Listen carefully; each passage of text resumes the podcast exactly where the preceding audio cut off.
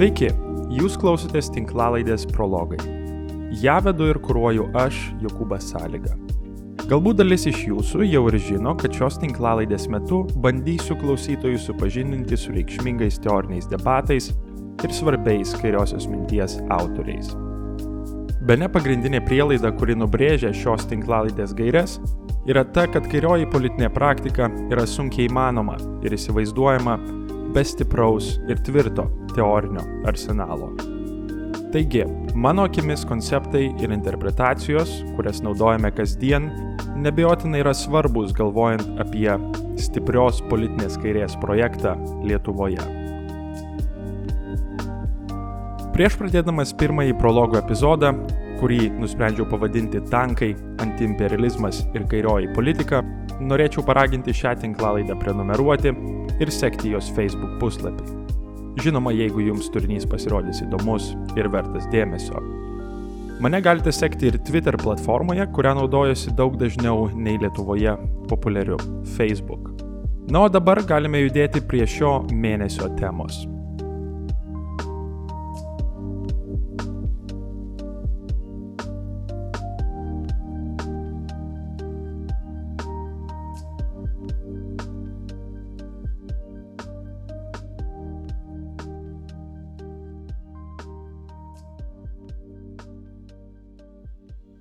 Skaitantiems vakarietišką kairiosios minties spaudą ir sekantiems socialinę erdvę, tankizmo terminas turėtų būti pažįstamas. Šiandien šis žargonas naudojamas tiek savo pirminė, tiek ir platesnė, labiau subendrinta šio laikinė reikšmė. Kaip žinoma, žargono pirminė reikšmė apibūdino vakarų kairiuosius aktyvistus ir intelektualus, kurie interpretavo Sovietų sąjungą kaip socialistinę visuomenę, kuri jų akimis gynė darbininkijos interesus realiai egzistuojančio socializmo gynybą, ši didelė kairiųjų dalis vakaruose tęsė ir po to, kai sovietų kariuomenė ir jos tankai brutaliai numalšino 1956 Vengrijos revoliuciją ir 1968 Prahos pavasarį. Kita vertus, šiandien dažnai aptiksime ir platesnę žargono interpretaciją. Ji naudojama dešiniųjų jėgų ir jau po šaltojo karo gimusios antiautoritarinės kairės šalininkų. Dešinieji politikai ir žiniasklaida terminą vartoja kaip nuorodą į bet kurį asmenį ar asmenų grupę, pasisakančią už kovą prieš kapitalizmą arba jo neoliberalų reguliacijos režimą. Tarkime, Borisas Johnsonas dar 2015-aisiais Jeremio Corbino leiboristų partijos sparną apibūdino kaip trotskistų ir tankistų alijansą. Šio laikinį termino interpretavimą aptiktume ir prieš autoritarizmą pasisakančių kairiųjų tinklaraštininkų ir tinklalaidininkų gretose. Per paskutinius keletą metų būtent ši grupė ir išpopuliarino anksčiau ganėtinai nišinį terminą. Tankistų epitetas šiandien pritaikomas tiems kairiesiems, kurie lieka nebejingi pozicijoms ne tik teigiančioms, kad Sovietų sąjunga buvo komunistinė darbininkus ginanti valstybė, Bet tarkime ir tai, kad Kinijos ekonomika šiandien yra pagrista socializmo principais, ar kad Putino režimas yra progresyvesnis nei vakarų demokratijos. Taigi, apibendrindami šioje vietoje, galime teikti, kad tankisnės kairės terminas yra persunktas skirtingų asociacijų priklausomai nuo to, kokius politinius projektus bando konstruoti ir įgyvendinti vienos ar kitos stovyklos. Iš kairės analitinės prizmės jis paprastai tariant reiškia pašiepimą ir kritiką tiems kairiesiems, kurie idealizuoja sovietinę estetiką ir antivakarietiškų šalių karinę galę. Dar daugiau, būtent tas tankistinis kairės flangas yra linkęs pateisinti opresiją prieš darbo judėjimus ir paprastai politinės aktualijas vertina atsispirdamas tik nuo geopolitikos altoriaus. Nors ši kritika daugam gali atrodyti savaime suprantama, galime klausti, ar terminas mums, kaip posovietinės erdvės kairiai, visiškai nebeaktualus. Veikiausiai ne, nes būtent per kontrastus, ginčius ir bandymus pozicionuotis ir gali būti išgryninamos autentiškos ir nevulgarios kairės gairės ir programos. Kaip ir kokiamis konkrečiomis temomis būtų galima kurti koaliciją su taip vadinama tankistinė kaire, yra opus bet atskiras klausimas. Tad pirmąjį prologo epizodą norėčiau paskirti tankistinės kairės analizai. Epizodą padalinsiu į tris dalis. Pirmoje bandysiu kiek nuodugniau panarstyti termino istoriją, antroje pakalbėti apie nūdinos tankistinės kairės apraiškas ir manifestacijas.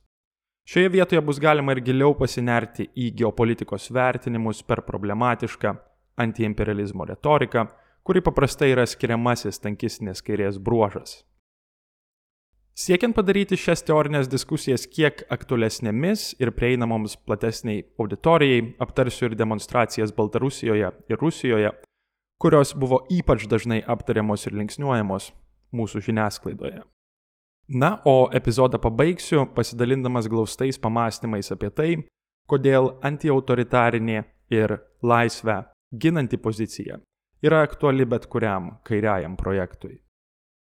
Prieš apžvelgiant tankizmo terminologijos chronologiją, visų pirma būtina pabrėžti, kad šis žargonas neatskiriamas nuo šaltojo karo geopolitikos ir ganėtinai stipraus bei įvairialypio kairiosios minties šalininkų rato Junktinėje karalystėje.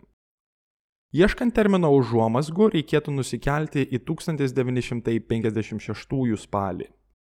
Būtent tuomet Didžiosios Britanijos komunistų partijos narys Peter Fryer buvo išsiųstas į Vengriją kurti reportažo partijos laikraščiui apie šalyje prasidėjusį darbininkų sukilimą ir streiką. Savo akimis pamatęs, kaip šis pasipriešinimas Budapešte buvo numalšintas Kremliaus išsiustais tankais, Fryer sugrįžo į Londoną rašyti straipsnio apie jo sektus įvykius. Visgi jo mėginimai tą straipsnį publikuoti buvo cenzuruoti, kadangi Didžiosios Britanijos komunistų partija arba CPGB laikėsi oficialios Sovietų sąjungos pozicijos, sugretinančios minėtąjį sukilimą su fašistiniu kontrarevoliuciniu sąmokslu.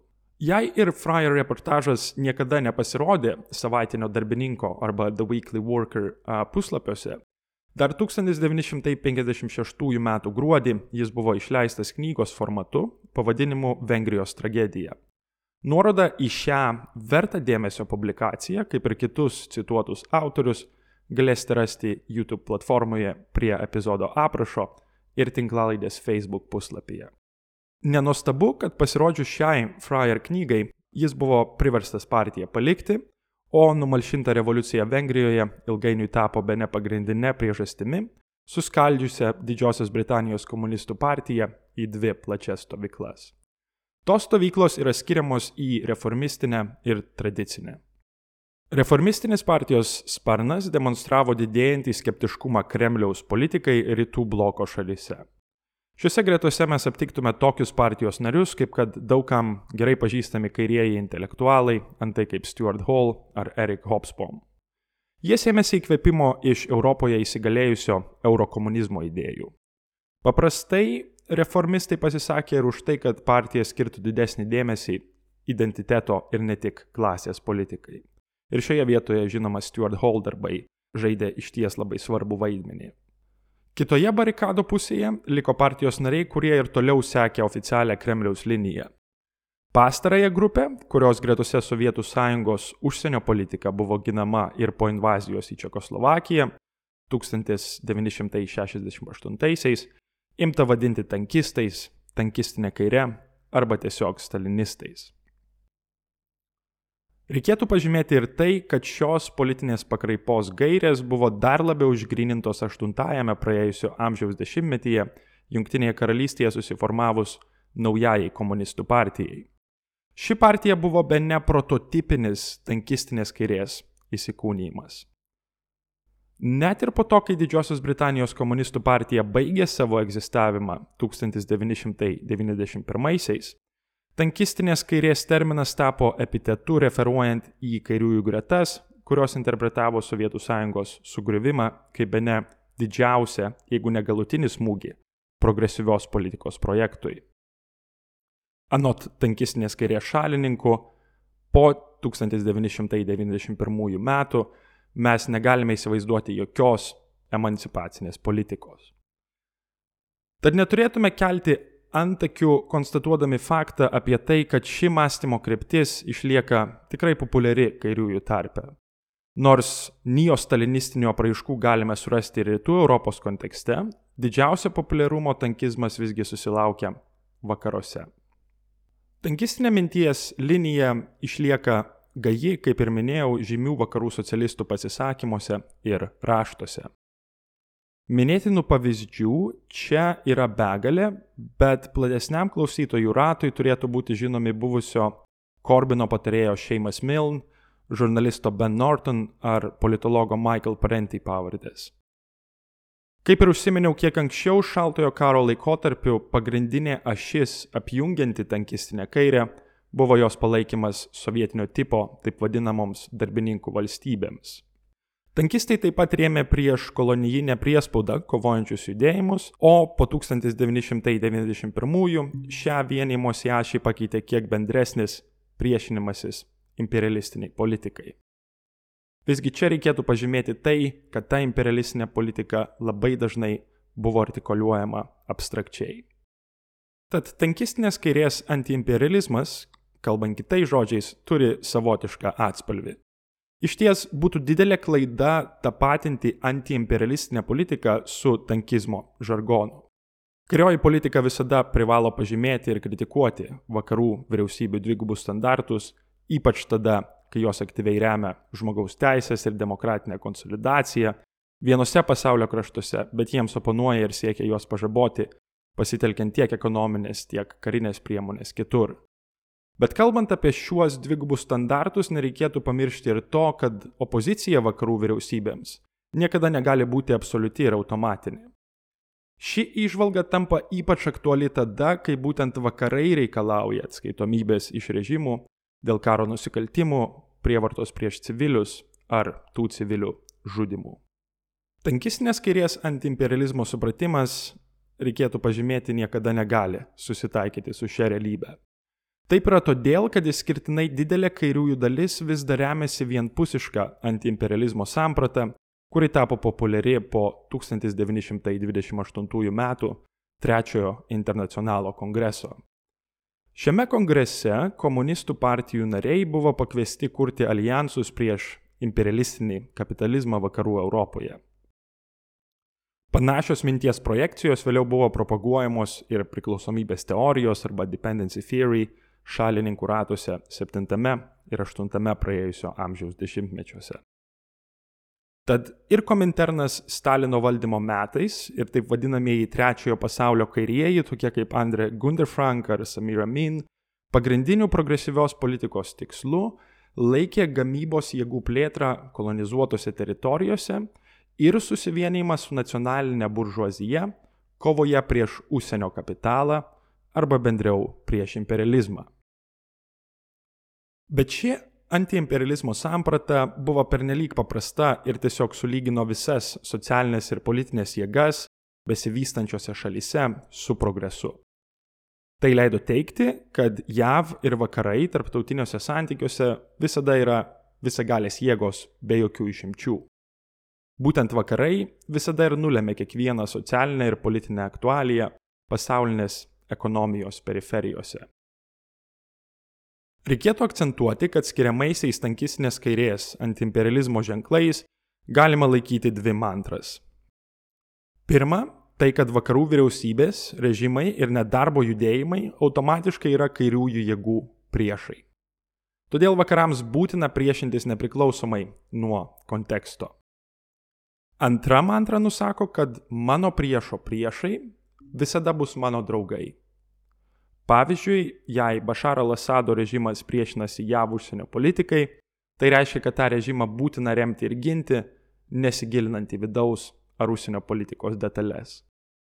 Ir čia galima keldinti ir įvairiausias faktais nepagristas interpretacijas apie įvykius, kurie vyksta labai arti mūsų, tai yra antiautoritarinės rytų Europos kairės.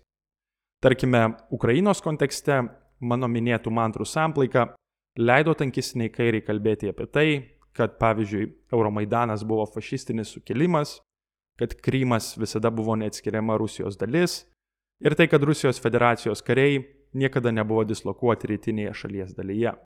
Visi šie teiginiai, žinoma, ilgainiui buvo faktiškai paneigti. Remiantis Šrilankoje gimusios socialistės ir feministės Rohini Hensman taksonomija, galėtume šiandienos tankistinę kairę dalyti į tris grupės.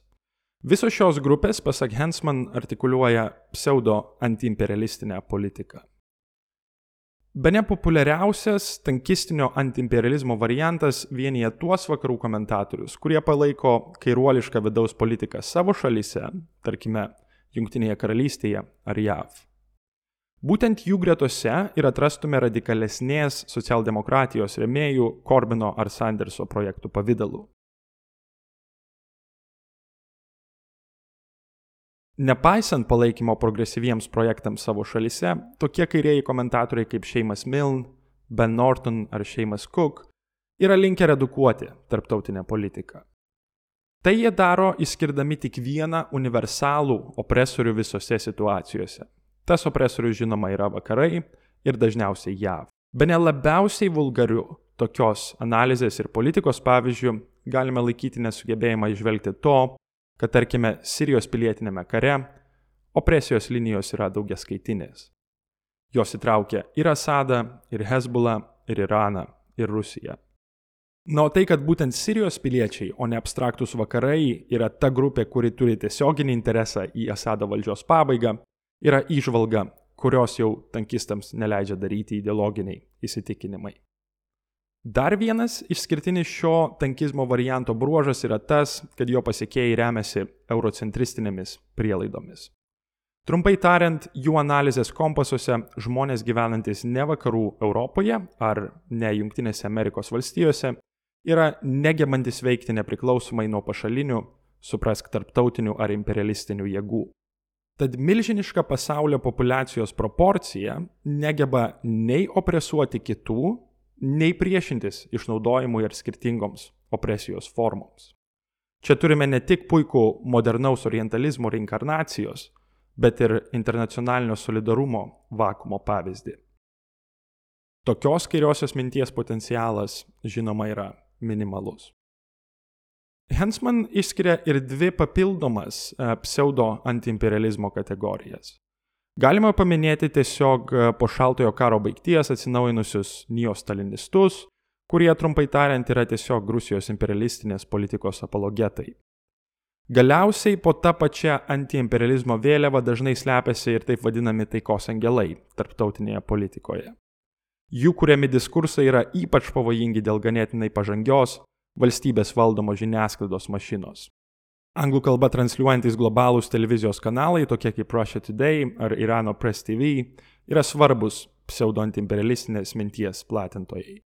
Jei pažvelgtume į lietuviškąją socialinę erdvę, nesunku būtų atrasti kairiųjų jėgų, kurios semėsi įkvėpimo iš vakarų tankistų ir naujųjų stalinistų. Tikriausiai tas pačias jėgas mes galėtume apibūdinti kaip neostalinistinės.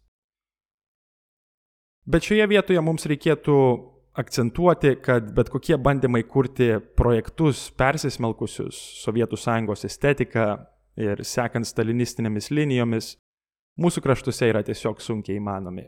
Ir nuo to, žinoma, yra tik geriau. Visgi, iliustracijos dėliai reikėtų atkreipti dėmesį į tai, kad save Markso pasiekėjais vadinantys komentatoriai vasarą prasidėjusius ir vis dar besitęsiančius protestus Baltarusijoje labai greitai sulygino su CŽV orkestruotu sukilimu. Kaip ir būdinga Kremliaus imperialistinės politikos apologetams, visi demonstrantai buvo tiesiog pavadinti fašistais, linkint Lukašenkai sėkmės, pasipriešinimus malšinant. Pabandykime kiek nuodugniau apžvelgti įvykius Baltarusijoje ir glaustai pakalbėti apie Rusijoje nuvilnijusius protestus. Manau, kad nebūtų didelė spekulacija, jei sakytume, kad tikriausiai niekada nesužinosime praėjusį rūpjūtį vykusių prezidento rinkimų Baltarusijoje rezultatų. Primiktinai teikti, kad Lukašenka juos pralaimėjo, yra mažų mažiausiai trumparegiška. Kuo abejoti negalime, yra tai, kad rinkimų rezultatai buvo suklastoti ir visa rinkiminė kampanija tiesiog prilygo farsui. Be abejo, išskirtinių protestų bruožų Baltarusijoje reikėtų laikyti darbininkų streikus svarbiausiose šalies fabrikuose ir darbovietėse. Nuo rūpjūčio 11-osios didelis darbininkų skaičius pramonės, prekybos, transporto ir informacijos sektoriuose įsijungė į protestus. Ši aktyvi grupė buvo papildyta ir medicinos darbuotojų, mokytojų, studentų ir pensininkų. Po to, kai Lukašenka sulaukė palaikymo iš Maskvos, jam buvo daug paprasčiau įbauginti streikuojančius darbininkus, pasitelkiant policijos pajėgas. Streikų komitetų lyderių ir profsąjungiečių areštavimas, žinoma, prisidėjo prie streikuojančiųjų grupių demoralizavimo. Tenka pripažinti, kad pervertinti streikus vykusius Baltarusijoje būtų pernelyg primityvus žingsnis. Pasipriešinimas darbovietėse paprastai apsiribojo peticijų rašymu, susitikimais su vadovybė ar mitingais prie įėjimų į fabrikus. Taip pat išlieka neaišku, kokio masto buvo darbo sustabdymai. Šios detalės leidžia teikti, kad deklaracijos apie skelbiamą visuotinį streiką šalyje buvo išties utopinis. Čia būtų galima daryti ir prielaidą, kad darbininkų klasė protestuose dalyvavo ne kaip klasiškai sąmoninga grupė, turinti socialiai orientuotus interesus, bet paprasčiausiai kaip prieš Lukašenką besipriešinantis darinys. Tas darinys, žinoma, buvo ypač svarbus dėl savo strateginės pozicijos, leidžiančios teoriškai paralyžuoti prekių gamybos ir jų distribucijos procesus. Bet ar tai reiškia, kad liberalioji opozicija ir neoliberalus diskursas išlieka vienvaldžiais situacijos šeimininkais? Dar daugiau, ar kairė tiek Baltarusijoje, tiek ir mūsų kraštuose turi likti apatiška protestams? Jei į pirmąjį klausimą atsakyti yra ganėtinai sudėtinga, antrasis yra lengvesnis. Pabandykime abu klausimus įskleisti paeiliui. Pradėsiu nuo teiginio, sakančio, kad nereikia pamiršti, jog Cichanovskojos koordinacijos taryba yra sudaryta iš elementų jungiančių nacionalistinę inteligentiją, prieš Lukašenką pasisakantį verslo elitą ir nevyriausybininkus. Šios tarybos programiniai nuostatai flirtuoja su radikaliu neoliberalizmu ir nacionalizmu. Bet tai, kad darbo judėjimas iki šiol netrodo gebantis suformuoti nuodugnios socialinės ir ekonominės programos, nėra tik jo nepažangumo ar tai, ką dalis marksistų vadintų neteisingos sąmonės problema. Būtina atkreipti dėmesį į tai, kad Baltarusijos santvarka yra be ne archetipinis valstybinio kapitalizmo variantas. Tokio tipo santvarkose ekonominis išnaudojimas yra sutapatintas su valstybinė biurokratija. Tai reiškia, kad santvarkai besipriešinančios jėgos visada kalbės labiau politinė nei ekonominė kalba. Labiausiai juntama priespauda paprastai bus sutapatinama su nekompetitinga biurokratija ir politinėmis asmenybėmis. Tad socialinio teisingumo reikalavimai visada bus tampriai susiję su pasisakymais už demokratizaciją. Šios įžvalgos tankistiniai kairiai žinoma neleidžia daryti įsivaizdavimas, kad tokie antivakarietiški režimai kaip egzistuojantys Baltarusijoje yra kažkuria prasme orientuoti į socializmą ar socialinį teisingumą. Kaip manau puikiai suprantate, mano galva tokie pasisakymai yra mažų mažiausiai problematiški. Bet grįžkime prie klausimo apie solidarizavimąsi su Baltarusijos kaire ir prieš Lukašenką protestuojančiais žmonėmis. Visas tankistinės kairės diskursas apie Minsko Maidaną ar įvykių sugretinimą su dar viena spalvotąją revoliucija yra mažų mažiausiai empiriškai netikslus. Dar svarbiau, tokie palyginimai nekuria jokių solidarumo tinklų su nepriklausomu Baltarusijos darbo judėjimu ir kairiaisiais aktyvistais, kurie, kaip žinoma, įsitraukė į demonstracijas. Žinoma, reikėtų pažymėti ir vientisumo stoką, kuri būdinga visiems protestų judėjimams be išimties, priešingai nei teiktų tankistai. Dalis kairiųjų, kurie savęs netapatina su komunistų partija Baltarusijoje, aktyviai įsitraukė į gatvėse vykusias demonstracijas ir išties palaikė liberalus. Kitas kairės sparnas kritikavo tiek policijos smurtą prieš civilius, tiek ir suklastotus rinkimų rezultatus. Tuo pat metu ganėtinai pagristai buvo teigiama, jog įsitraukimas į demonstracijas kartu su liberalia opozicija būtų tiesiog nenaudingas, žinant, kad jos tikslai yra lygiai gretus su neoliberalizmo eleksyru, įskaitant firmų privatizaciją, nemokamos sveikatos sistemos panaikinimą ir ryštą dar labiau liberalizuoti darbo santykius. Bet netgi žvelgiant iš šio, kiek sudėtingesnio kampo, visi populiarūs puoselėjimai, jog pasipriešinimas Lukašenkos režimui buvo organizuotas nacionalistų, verslo atstovų ar hipsterinio jaunimo, yra tiesiog neteisingi. Iš tiesų, kaip teikia Vitalijus Škurinas, kruojantis kairės minties platformą pavadinimu rugsėjais, didelė jaunesnio amžiaus protestuotojų proporcija buvo sudaryta iš fabrikų darbininkų, taksistų ir studentų. Dar vienas balsas, kurio verta būtų išklausyti šioje vietoje, yra Pavelas Katorževskis, Baltarusijos kairiosios partijos Teisingas pasaulis centrinio komiteto narys. Puikų Andriaus Bielskio su juo atliktą interviu galite perskaityti antrajame kairiosios minties žurnalo Lūžis numeryje. Protestų metu Katorževskis buvo sulaikytas ir įkalintas. Jis situaciją apibendrina kaip apsisprendimo tarp dviejų kapitalizmo reguliacijos variantų. Viena vertus kapitalizmo su diktatūra, tokio koks dabar egzistuoja šalyje. Antra kapitalizmo su tam tikra politinė demokratija. Čia jis pažymė ir tai, kad negalima atmesti perinamųjų socialistinių reikalavimų. Kitaip tariant, net jei ir dabartinė situacija nėra palanki progresyviai alternatyvai kurti, kariųjų tikslas yra protestų metu kalbėti ir mobilizuoti mases vardan socialinio teisingumo. Jo patarimas Lietuvos kairiai yra paskleisti žinę apie situaciją ir viešai parodyti, kad kairieji visada yra protestuojančių darbuotojų, o ne bjaurių biurokratinių režimų pusėje. Tad rezumuojant galima teikti, kad kiek gilesnis žvilgsnis į situaciją labai greitai išsklaido naujųjų stalinistų ir tankistų fantazijas apie situaciją Baltarusijoje. Pereinant prie glaustų pasvarstymų apie nūdienos protestų bangą Rusijoje, pradėkime nuo pagrindinių tankistų teiginių darant interpretacijas. Manau, kad tai būtų labai naudingas atspirties taškas. Tie teiginiai paprastai apsiriboja nuoroda į Twitter platformoje pasidalintą vaizdo klipą su Aleksėjaus Navalno rasistiniais pasisakymais apie imigrantus į Rusiją iš Centrinės Azijos valstybių. Kitas teiginys atsiriamė į faktą, jog Navalnas dalyvavo Yale universiteto rengtoje stipendijų programoje rengiančioje pasaulio lyderius.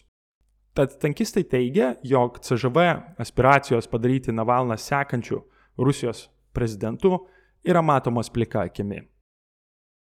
Progresyvios politikos šalininkai paprasčiausiai turėtų pabrėžti tai, kad eiliniai Rusijos piliečiai vis dar palaiko Putino režimą, jo generuojamą ekonominį ir socialinį stabilumą ir žinoma, jie turėtų atsiriboti nuo bet kokių bandymų prisidėti prie JAV imperialistinės politikos Rusijos atžvilgių.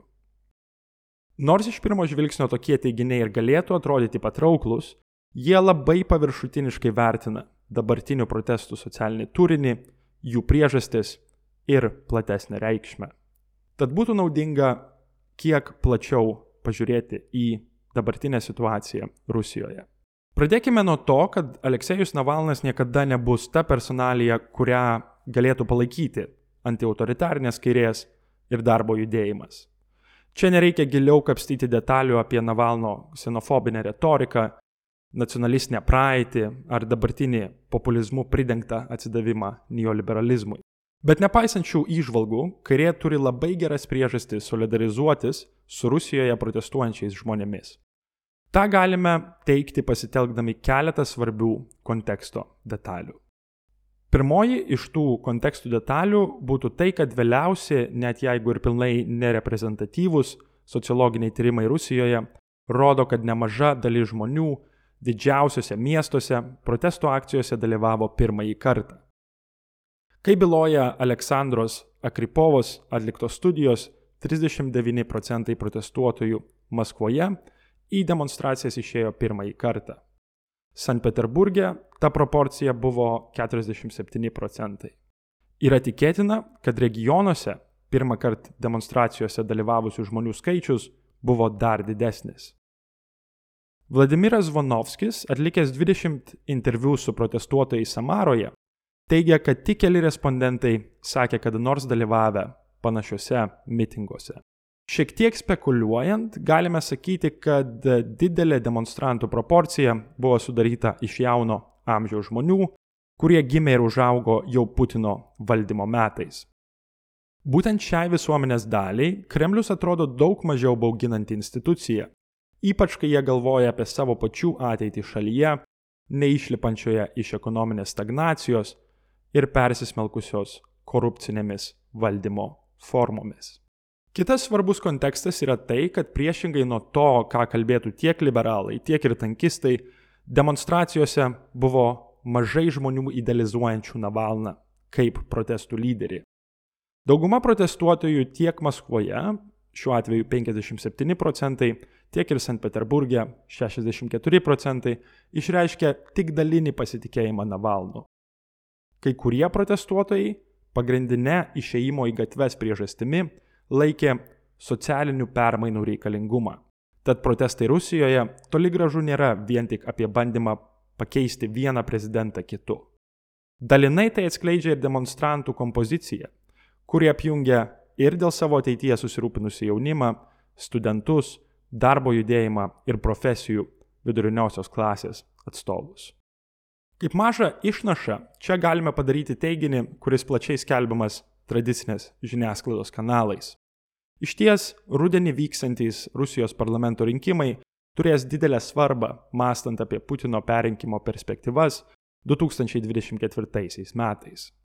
Kasdien tampa, manau, vis aiškiau, jog pandemijos metu smarkiai prastėjanti ekonominė situacija ir jaunosios kartos abejojimas savo ateitimi Putino valdomoje šalyje kelia klausimų apie bandymą dar kartą prikelti taip vadinamąją tylėją daugumą. Turiu galvoje tuos vieningosios Rusijos partiją ir Putiną palaikančius rinkėjus, kurie išlieka apatiški demonstracijoms ir yra koncentruoti konservatyviuose Rusijos regionuose. Teiginiai, kad ta apatijos siena išliks tokia patvirta kaip ir anksčiau, net ir ženkliai krentant realioms pajamoms, mažėjant namų ūkių vartojimo lygiams, augant skurdui ir neligybės amplitudei, yra vis mažiau tikėtini. Kaip ir būtų galima tikėtis ir panašiai kaip ir Baltarusijos atveju, aptariami protestai pasėjo susiskaldimą radikalios kairės stovyklose. Rusijoje galima išskirti du priešingus požiūrius, kalbant apie kairės strategiją. Pirmasis požiūris teigia, kad Navalnas ir Putinas tiesiog reprezentuoja skirtingus interesus valdančiojoje klasėje. Tad protestuotojai tampa marionetėmis didesnių jėgų žaidime. Kairė turėtų bandyti radikalizuoti protestuojančias mases, burdama jas į mažesnės, socialiai nutaikytas akcijas arba tiesiog ignoruoti protestus kaip neturinčius nieko bendro su klasinė politika. Antrasis požiūris yra daug populiaresnis. Jis teigia, kad kairieji privalo dalyvauti mitinguose, prisimindami, kad išeimas į gatves negali būti paprastai gretinamas su palaikymu Navalnui. Turint omenyje tai, kad protestai pritraukia didelę dalį jaunų ir juose niekada nedalyvavusių visuomenės grupių, nūdienos mobilizacijos gali atverti erdvę ir už socialinį teisingumą pasisakančioms idėjoms. Tad priešingai nei prieš dešimtmetį vykusiose akcijose palaikant sąžiningus rinkimus, jaunimo vedamas protestų judėjimas, pasisakantis prieš socialinę neligybę ir elito privilegijas, yra ypač vaisingas progresyvios mobilizacijos formoms. Apibendrinant, manau tampa aišku, kad būtent tokie pabandymai išklausyti tų aktyvistų, kurie situaciją seka ne nuo rašomųjų stalų ar fotelių, bet būtent įsitraukdami į politiką gatvėse ir darbovietėse, tiek Baltarusijoje, tiek ir Rusijoje, yra geriausia priemonė paneigti vulgarios kairės klišes tarptautinės politikos klausimais. Ką galime pasakyti apie alternatyvas ir potencialias taktikas? Natūralus klausimas po šios glaustos analizės tikriausiai sukasi apie tai, ką galime daryti, norėdami išvengti tankistinio mąstymo klišių. Mano nuomonė reikėtų išskirti tris alternatyvaus požiūrio pjūvius. Anaip tol tai nėra programa nudenos kairiai ir šie pjūviai turėtų būti labiau išskleisti, papildyti ar galbūt netgi permastyti iš naujo. Visgi vienu atspirties tašku gali būti atnaujintos pastangos studijuoti sovietinį režimą ir po jo sekusią transformaciją iš kairės perspektyvos.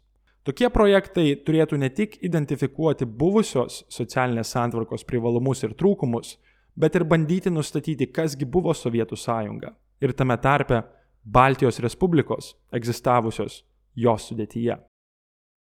Ar tokias visuomenės mes galime vadinti socialistinėmis? Ar darbininkijos interesai juose buvo atstovaujami?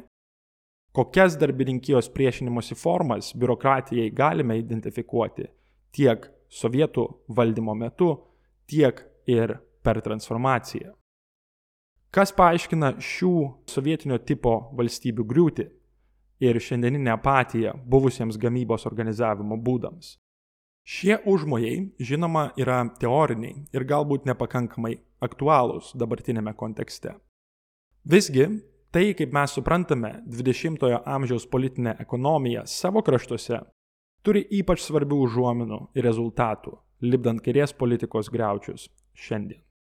Antra, reikėtų pasakyti ir tai, kad mums, kaip antiautoritariniai kairiai, yra labai svarbu palaikyti demokratinės iniciatyvas. Jei liberalams ši tezė yra natūrali, kairieji dažnai išlieka neapsisprendę dėl savo jėgų ar bent jau žodinės paramos atidavimo kovai už taip vadinamas buržuazinės demokratijos formas. Bet referavimas į buržuazinę formą šioje vietoje daro klaidingą prielaidą. Tai, kad demokratija ir kapitalizmas yra vienas su kitu tampriai susiję konceptai. Dar blogiau, tai nukreipia kairės dėmesį nuo reikėmybės kovoti už demokratiją būtent tada, kai užsitęsusi kapitalizmo krizė sėja masinio nedarbo, augančio skurdo ir neligybės sėklas. Centrizmo politika šiandien, manau, sutiksite, sunkiai gali ką nors pasiūlyti batalijose prieš kraštutinę dešinę. Ir tai vis labiau išryškina autentiškos kairės reikiamybę. Ši kairė turėtų suprasti, kad socialiai teisinga arba socialistinė politika yra toli gražu ne demokratijos antipodas, bet priešingai - demokratiškumo įskleidimas į tas erdves, kurios išlieka uždarytos dėl kapitalo ir kapitalistinių santykių valdžios. Galiausiai pokomunistinė ir autoritarizmui kritiška kairė turėtų aktyviai dalyvauti diskusijose tarptautinės politikos temomis. Priešindamėsi imperializmui tarptautinėje politikoje, turėtume vadovautis ir universaliai prieš opresiją pasisakančią logiką. Tai reikalauja supratimo, kad šiandienos tarptautinėje arenoje egzistuoja daugiau nei vienas imperialistinis ar bent jau kvazi imperialistinis centras. Kitaip tariant, globalaus solidarumo principas reiškia, kad kairės tikslas yra remti opresuojamus žmonės visose teritorijose, nepriklausomai nuo to, ar jos yra palaikomos ar smerkiamos vakarų vyriausybių. Tad jei pasiremtume jau gana sena istorija tapusio JAV intervencijos Irake pavyzdžių, globalaus solidarumo principas teiktų, kad kairė turėtų ne tik pasisakyti prieš šį nelegalų imperialistinį karą, bet ir turėti pozityvę programą, skirtą priešintis Sadamo Huseino režimui. Kai kurie karo Irake kritikai tiek globalioje šiaurėje, tiek ir globaliuose pietuose Anuomet siūlė tokias strategijas kaip parama jungtinių tautų ginklų inspektoriams, adekvačiai nukreiptas sankcijas prieš režimą, nepriklausoma taryba, kuri galėtų sekti ir registruoti žmogaus teisų pažeidimus. Žinoma, šios strategijos kuria savas dilemas ir nebūtinai išlipa iš dvigubų standartų spastų. Bet būtent tokia kosmopolitiška antiimperializmo samprata, manau, yra viena pagrindinių temų, apie kurią šiandien turėtų diskutuoti kairiosios minties šalininkai.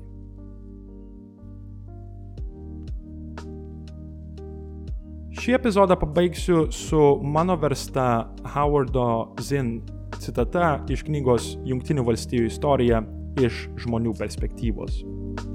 Howard Zinn rašo, Pasaulyje, kuriame vyrauja tuščio didžiavimosi savo jėgomis nuotaikos, pasaulyje, kuris dalinasi į nuskriaustuosius ir budelius, mąstančių žmonių misija yra nebūti toje pačioje barikadų pusėje, būtent su budeliais. To ir norėtųsi palinkėti kolegoms kairėje, kurie vis dar simpatizuoja tankistinėms mąstymo linijoms.